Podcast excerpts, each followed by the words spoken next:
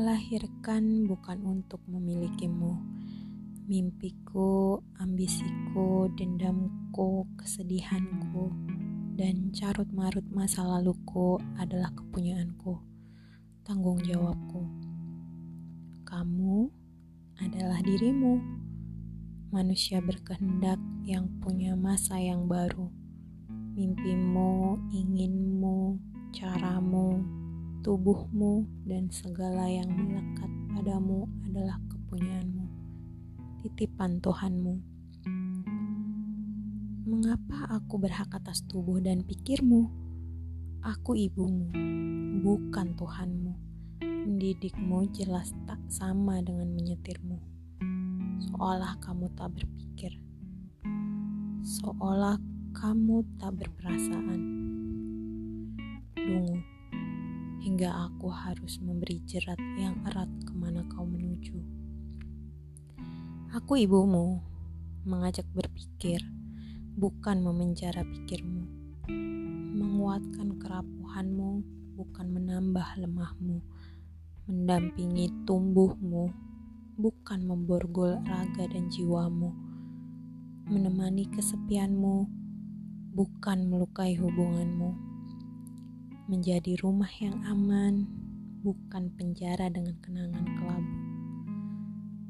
Aku ibumu, bukan majikanmu. Ikhlas memberi dan tak harap kembali. Karena pahalaku sudah disiapkan Tuhanku. Jadi, kau hiduplah dengan baik sesuai caramu, wahai anakku.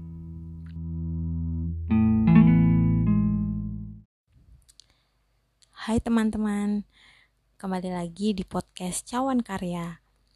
Puisi Aku Ibumu ini adalah pengejawantahan dari refleksi hubunganku dan anakku. Dua tahun yang lalu, aku mengalami turun naik terkait pengasuhanku. Bukan hanya kekerasan verbal, aku struggle terhadap kekerasan fisik yang rasanya susah sekali dikendalikan. Yang udah jadi orang tua, pasti pernah merasakannya ya kan?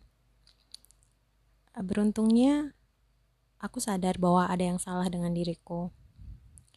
Aku mencari aku mendidik diriku terlebih dahulu dengan belajar dan mencari ruang konsultasi yang aman serta memberdayakan.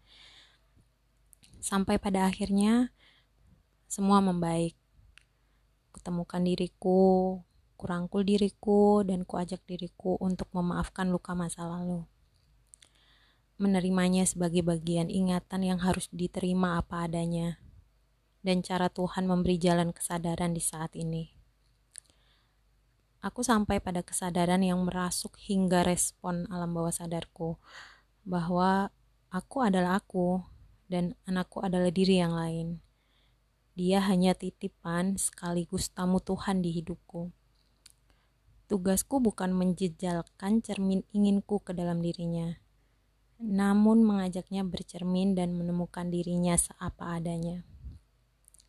Ya, perjalanan yang tidak mudah, tapi aku telah menemukan cara bertahan sekaligus bertumbuh bersama anakku.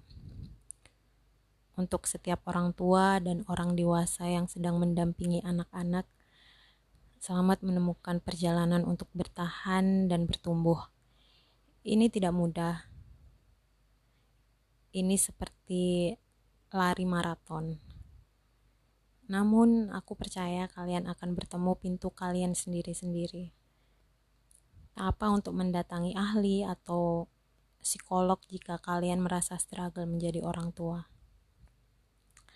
Oke, aku Rina Safia undur diri dan sampai jumpa di puisi-puisi berikutnya. Terima kasih telah mendengar. Bye bye.